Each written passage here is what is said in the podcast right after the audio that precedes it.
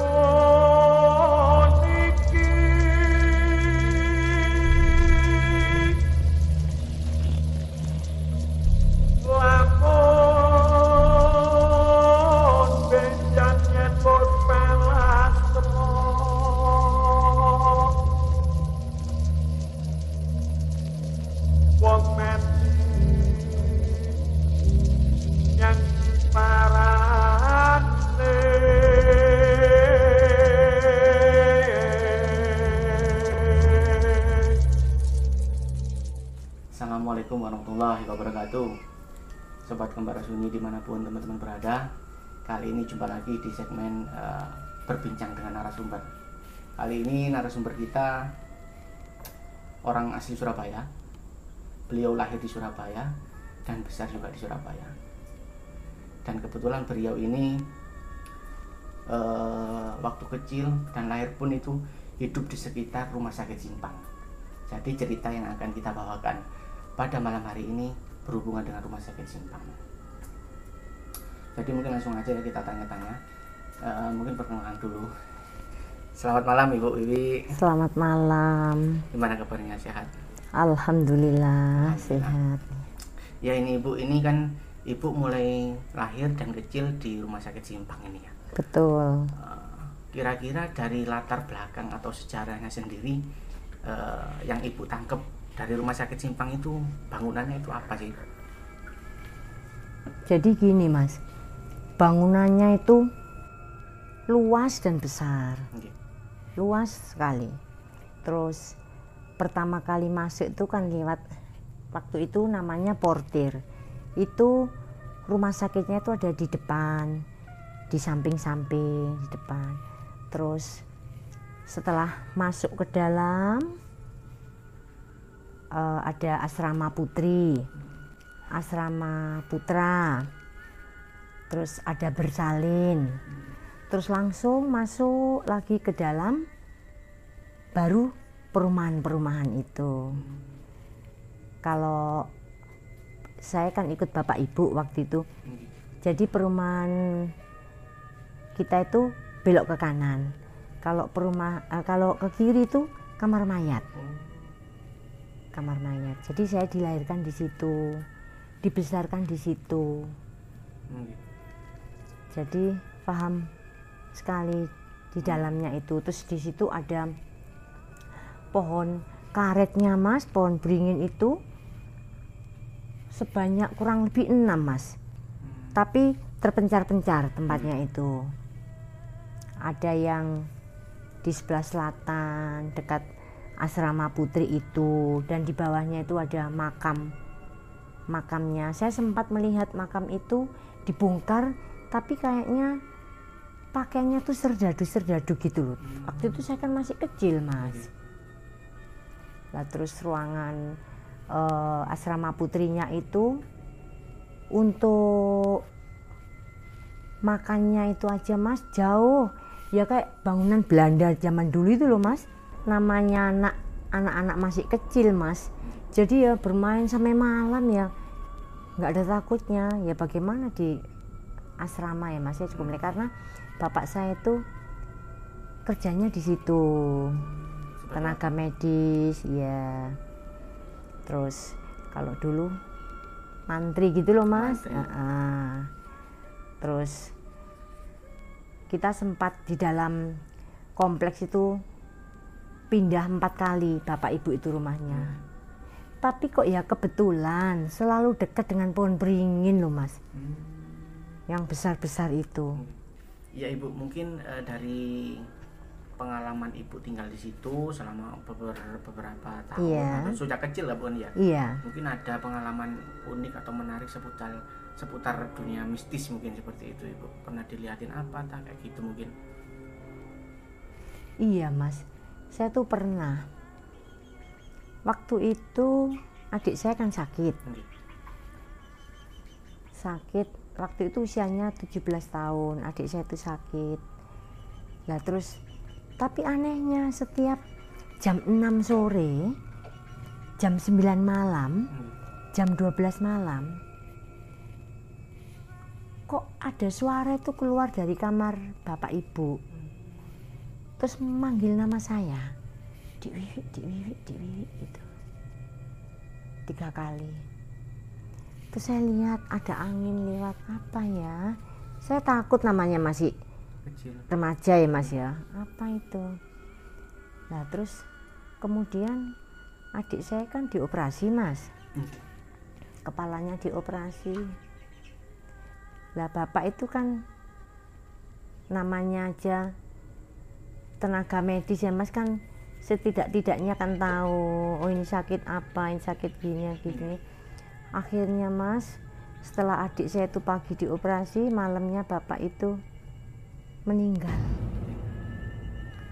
Lah meninggal. Setelah meninggal 40 harinya bapak Nggih. menjelang 40 harinya bapak adik saya tuh meninggal. Tapi sebelumnya saya tuh dikeliatin gini bapak itu datang pakai pakaian kalau dari Jogja itu loh mas kayak beskapan pakai sarung itu. Kemudian datang ke rumah terus adik saya tuh dibopong mas. Terus bapak bapak jangan jangan bapak jangan. Terus terpaut. Beberapa hari kemudian adik saya tuh meninggal. Jadi 40 harinya bapak adik saya tuh meninggal mas Mungkin mimpi itu firasat mungkin Bu. iya mungkin ya. Nah setelah itu mas berarti kan berkurang dua ya mas ya Oke. keluarga saya. Saya kan berlima. Bapak ibu saya bertiga bersaudara. Saya nomor dua. Kakak saya sekolah bidan di situ. Kemudian suatu ketika itu malam-malam tuh ibu itu pas nggak tahu pergi ke mana gitu loh mas sama adik-adiknya gitu. Saya sendiri di rumah mas. Saya ini anehnya kalau takut itu kok pintu-pintu jendela saya bukain semua. Jadi rumah saya tuh sebelah pojok paling depan sendiri Iya. ada ini empat tetangga-tetangga saya belakang empat. Terus waktu itu kira-kira jam 11 setengah 12 mal- malam hujan mas rintik-rintik. Terus saya tuh secara nggak sadar tuh lihat di depan itu. Apa ya yang goyang-goyang itu? Ada orang berjalan Hmm. menuju ke tempat saya tapi ada pagar kan mas? Iya. pagar kawat. Terus orangnya itu gini loh mas. Tapi mukanya itu hitam tidak kelihatan. Terus saya tuh takut ya mas ya. Mundur mundur mundur saya masuk rumah saya tutup pintunya saya tutup jendela. Sudah saya takut. Sudah itu sudah berlalu ya mas ya? Sudah. Kemudian eh, namanya orang Islam ya mas ya?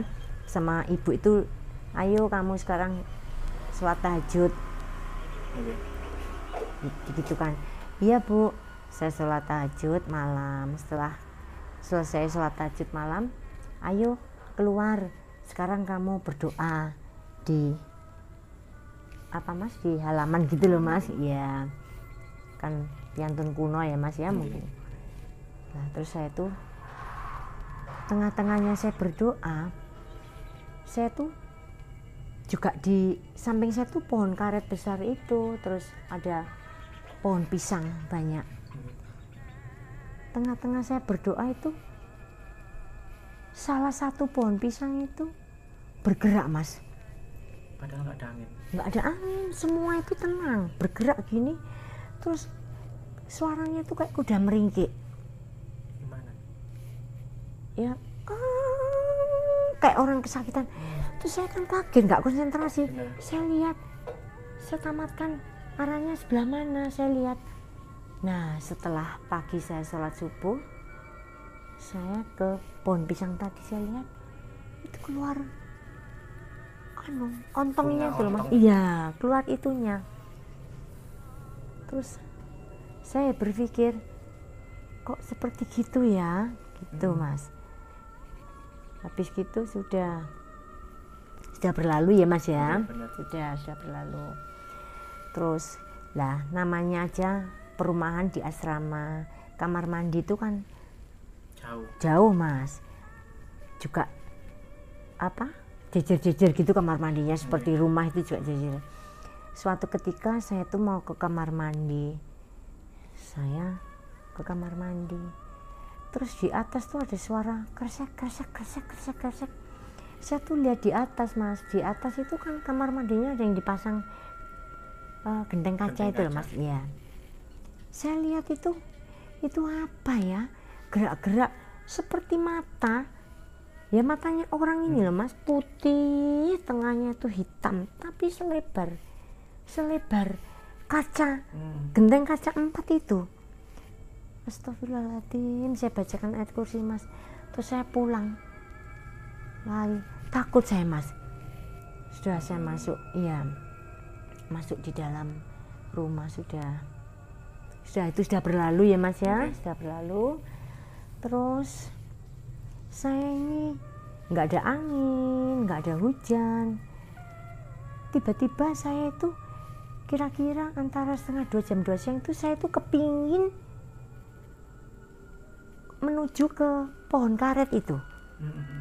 Lah saya tuh ke pohon karet tuh saya naik mas. Naik di atas. Terus saya duduk diam ya sudah diam. Hmm. saya tuh sadarnya tuh setelah mendengar azan. Asar itu loh mas. Berarti ibu dalam kondisi tidak sadar. ya, tapi saya bisa jalan sendiri. Nah terus loh asar turun saya mas. Turun terus pulang terus saya sholat. Apa ya? Saya gitu terus sudah sudah berlalu lagi ya mas Iya. ya terus suatu ketika perumahan simpang itu semua eh, semua yang menghuni di situ tuh satu persatu tuh pindah mas Hmm. pindah mungkin mungkin apa mau ditempatin untuk mall itu ya mungkin ya Mungkin ya. iya itu kurang lebihnya tahun tahun 72 kurang lebihnya Hmm. lah sebelum saya pindah barang-barang udah dibawain semua mas ke rumah kita sendiri. Terus saya tuh malam-malam tidur. Kira-kira setengah dua itu saya tuh setengah bangun setengah sadar setengah enggak tiba-tiba itu dari tembok itu muncul noni-noni Belanda. Pakai baju putih sepatu putih tasnya putih pakai pita putih rambutnya merah gitu. Saya tuh diajak salaman. Saya nggak mau. Nggak nggak aku nggak kenal sama kamu nggak terus saya bilang sama ibu paginya bu aku kok dikeliatin itu? Nggak ada apa-apa kok itu kamu mungkin cuman mimpi. Oke. ibu bilang gitu. Tapi setelah pindah di rumah yang baru rumah saya sendiri ibu bilang ibu ngendikan gini ya di situ itu memang tempatnya. Tempat apa bu? Ya tempatnya yang anu kamu itu Oh, gitu. iya. Astagfirullahaladzim ibu gitu kok bilangnya kayak gitu. Lah nanti kamu takut katanya Iya. gitu. Terus ya gitu mas. Setelah pindah kurang lebihnya tahun 72 ya mas ya? Oke. tahun 72 saya waktu itu ke Jember mas Oke. ke Jember nah saya di sana itu sekolah Jember ya mas ya? Iya. Terus di rumah Pak D. Suatu ketika saya ini rasanya panas di dalam kamar itu mas. Hmm. saya ini keluar malam itu. Keluar kira-kira itu jam 12 saya duduk di teras mas sendiri saya diam sendiri terus kurang lebihnya itu setengah dua gitu jam 2 gitu. Kok ada suara berisik mas dari arah barat Hmm. ke timur? Itu kok terang benderang itu apa ya? Itu seperti api itu jalan mas. Bulat gitu loh. Suaranya tuh wes wes wes wes wes. Aduh terus saya saya baca baca mas. Iya. saya baca bacakan terus di depan teras rumah Pak Desa itu ada pohon pepaya tiga terus saya lihat sambil saya baca baca mas saya berdoa mas saya lihat itu turun turun turun turun gitu kok akhirnya itu masuk ke pohon kates yang ketiga Hmm. lah besok paginya tuh gosong mas pohon katesnya itu Mati gitu bu. Iya, gosong. Yang yang keserempet itu agak gosong, tapi lainnya biasa. Hmm. Yang ketiga ini gosong. Oke. Apa ya tadi itu apa? Saya mau cerita, saya takut ya mas ya. Sudah saya saya Ibu pendam sendiri. iya saya pendam sendiri. Terus kemudian bertambah hari. Terus saya itu tidur tengah malam itu saya tuh kayak bermimpi kayak ya mesti kayak mimpi kayak sungguh gitu loh mas ya Iya. gimana itu itu ada orang perempuan itu bawa apa mas pendosa itu apa mas Pendusa. Tempatnya orang- orang mayat ya. Iya, ya? iya. Oke. itu depan itu satu perempuan yang belakang itu satu perempuan terus di jendela mas padahal jendelanya tuh di atas Oke. terus gordennya tuh dibuka sama orang itu terus saya diginikan dia nggak ngomong mas saya disuruh naik disuruh naik. terus saya bilang enggak siapa kamu? Aku nggak kenal kok. Saya doa doa lagi mas. Oke. saya nggak kenal sama kamu. Enggak enggak nggak mau nggak mau. Terus orangnya tuh pulang mas berlalu iya. Terus paginya saya tuh tanya sama kakak sepupu saya putranya Pak Di itu. Hmm. saya tanya "Eh, tempat tidur, tempat tidur ini dulu dibuat apa sih Dik? Saya bilang gitu oh dulu waktu bude saya meninggal tempat tidur itu dibuat eh, Nyuci. eh, menyucikan mayat. Lah terus saya tanya lu kok, kok masih dipakai untuk tidur? Saya bilang gitu. Iya, enggak apa-apa gitu. Saya cuman sudah saya berdoa, saya berdoa saja sudah sudah sudah kadung ya Mas ya. Apa itu sudah berlalu, sudah. Terus suatu ketika lagi Mas, saya tuh sampai aduh saya kok gini, saya sampai takut ya Mas ya? Iya. terus saya tuh pas ngaca ya mas ya habis mandi. Oke. kaca saya itu menghadap ke arah luar. Lah saya tuh kan ngaca gini ya mas ya? Oke. terus dari arah belakang itu ada seorang perempuan tuh naik pohon. Itu menjelang menjelang maghrib gitu loh mas. Hmm. ada orang perempuan tuh naik pohon terus pakainya itu putih kayak kalau umroh tapi yang bapak-bapak. Kan selempang gini ya mas ya? Iya. gitu. Rambutnya panjang diure tuh. Taruh di depan gini. Terus dia gini-gini sama saya. Hmm, kayak manggil gitu. Iya saya bilang siapa ya? Saya lihat dari kaca terus saya noleh ke belakang loh kok enggak ada saya lihat lagi di kaca kok enggak ada Oke. Astagfirullahaladzim, ah, itu apa ya? Saya bilang gitu. Terus besoknya kan ada pertemuan kayak kalau kalau zaman dulu tuh kayak Karang Taruna gitu loh mas. Nah di depan rumah Pak Desa itu ada tembok mas. Mm-mm. Di dalam tembok itu ada pohon yang besar tadi. Terus saya namanya Karang-Karang Taruna gitu di situ pertemuan gitu apa? Malam mas habis maghrib. Terus kita kan ngatur makanannya di bawah pohon itu mas. Terus saya tanya diterangin sama lampu-lampu oh ini pohon mangga ya. Loh ini kok ada makam? Makamnya siapa? Dek saya bilang gitu sama yang punya rumah seorang dokter itu. Katanya itu makamnya mama saya mbak gitu. Oh meninggalnya masih muda dulu katanya gitu.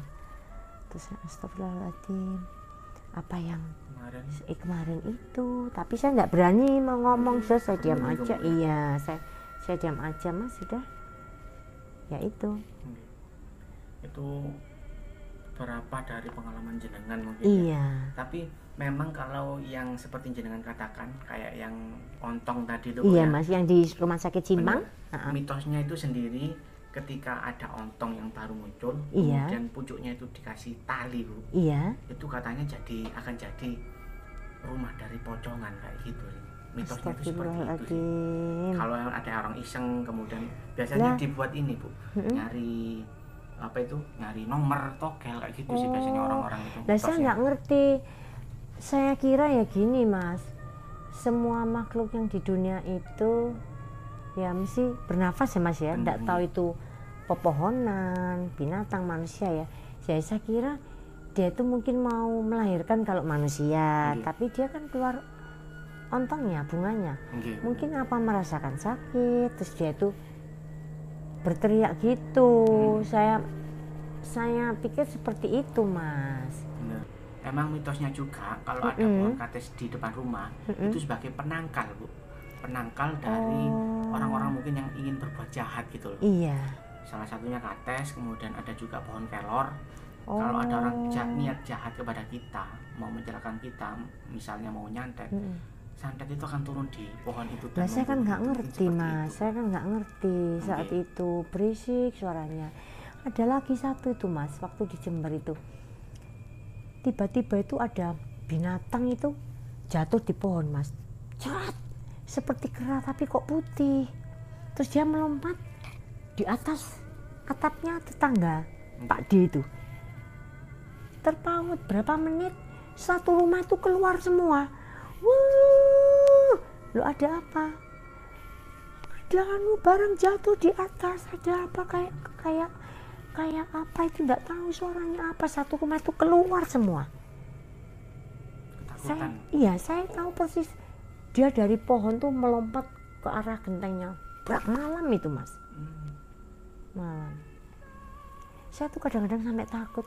Kenapa ya kok kok mesti seperti itu? Saya tuh kadang-kadang takut loh mas. Sering mengalami apa itu? Iya. Pengalaman yang mistis itu. Iya. Mungkin gini pertanyaannya.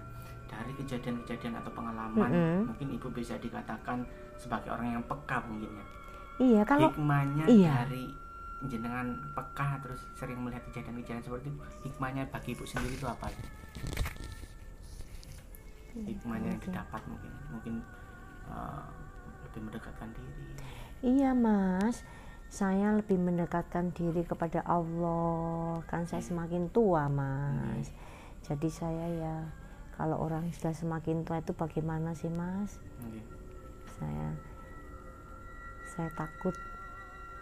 Saya takut ya namanya manusia itu nggak sempurna ya mas ya. Kesempurnaan itu hanya milik Allah. Tapi setidak-tidaknya kita ini ya daripada waktu masih muda dulu ya toh mas Iya, selalu Iya, memperbaiki. Lah, ibu saya tuh kan juga gini, Mas. Ayo, kamu itu eh, sebagai manusia kamu harus punya tirakat, kamu harus kamu harus mulai puasa Senin Kemis, kamu harus sholat sholat wajib tuh diutamakan, terus sholat sunnah itu saya selalu sholat tahajud, Mas. alhamdulillah Mm-mm, sholat ya namanya kita orang beragama ya mas ya?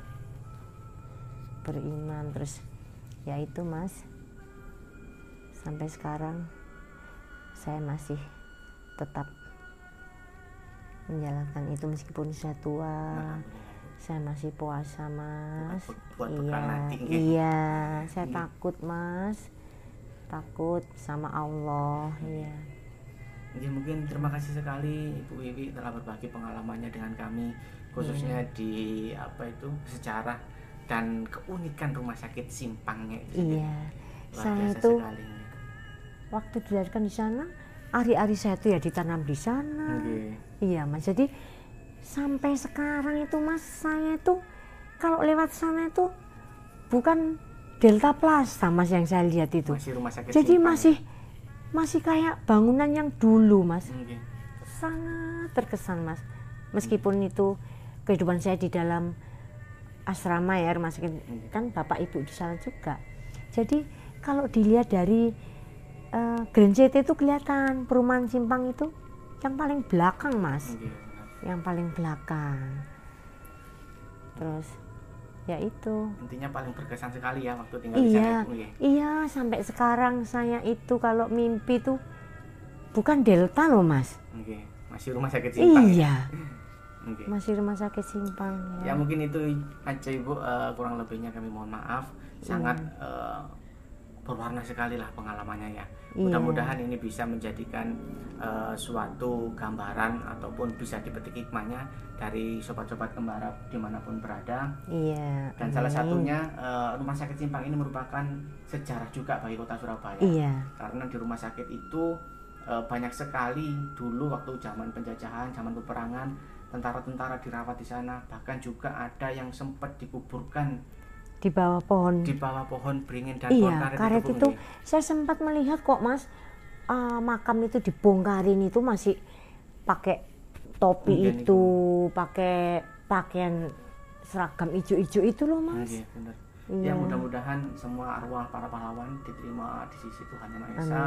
Mudah-mudahan ditempatkan yang terbaik di sisinya. Amin amin Sekian mungkin teman-teman sobat kembara sunyi di mana pun berada kisah dari eh, pengalaman unik dari Ibu Wiwi mudah-mudahan bisa diambil hikmahnya. Dan jangan lupa tetap terus tonton channel kami Kembara Sunyi. Dan wassalamualaikum warahmatullahi wabarakatuh. Ya, Terima kasih, Bu. Masya Allah.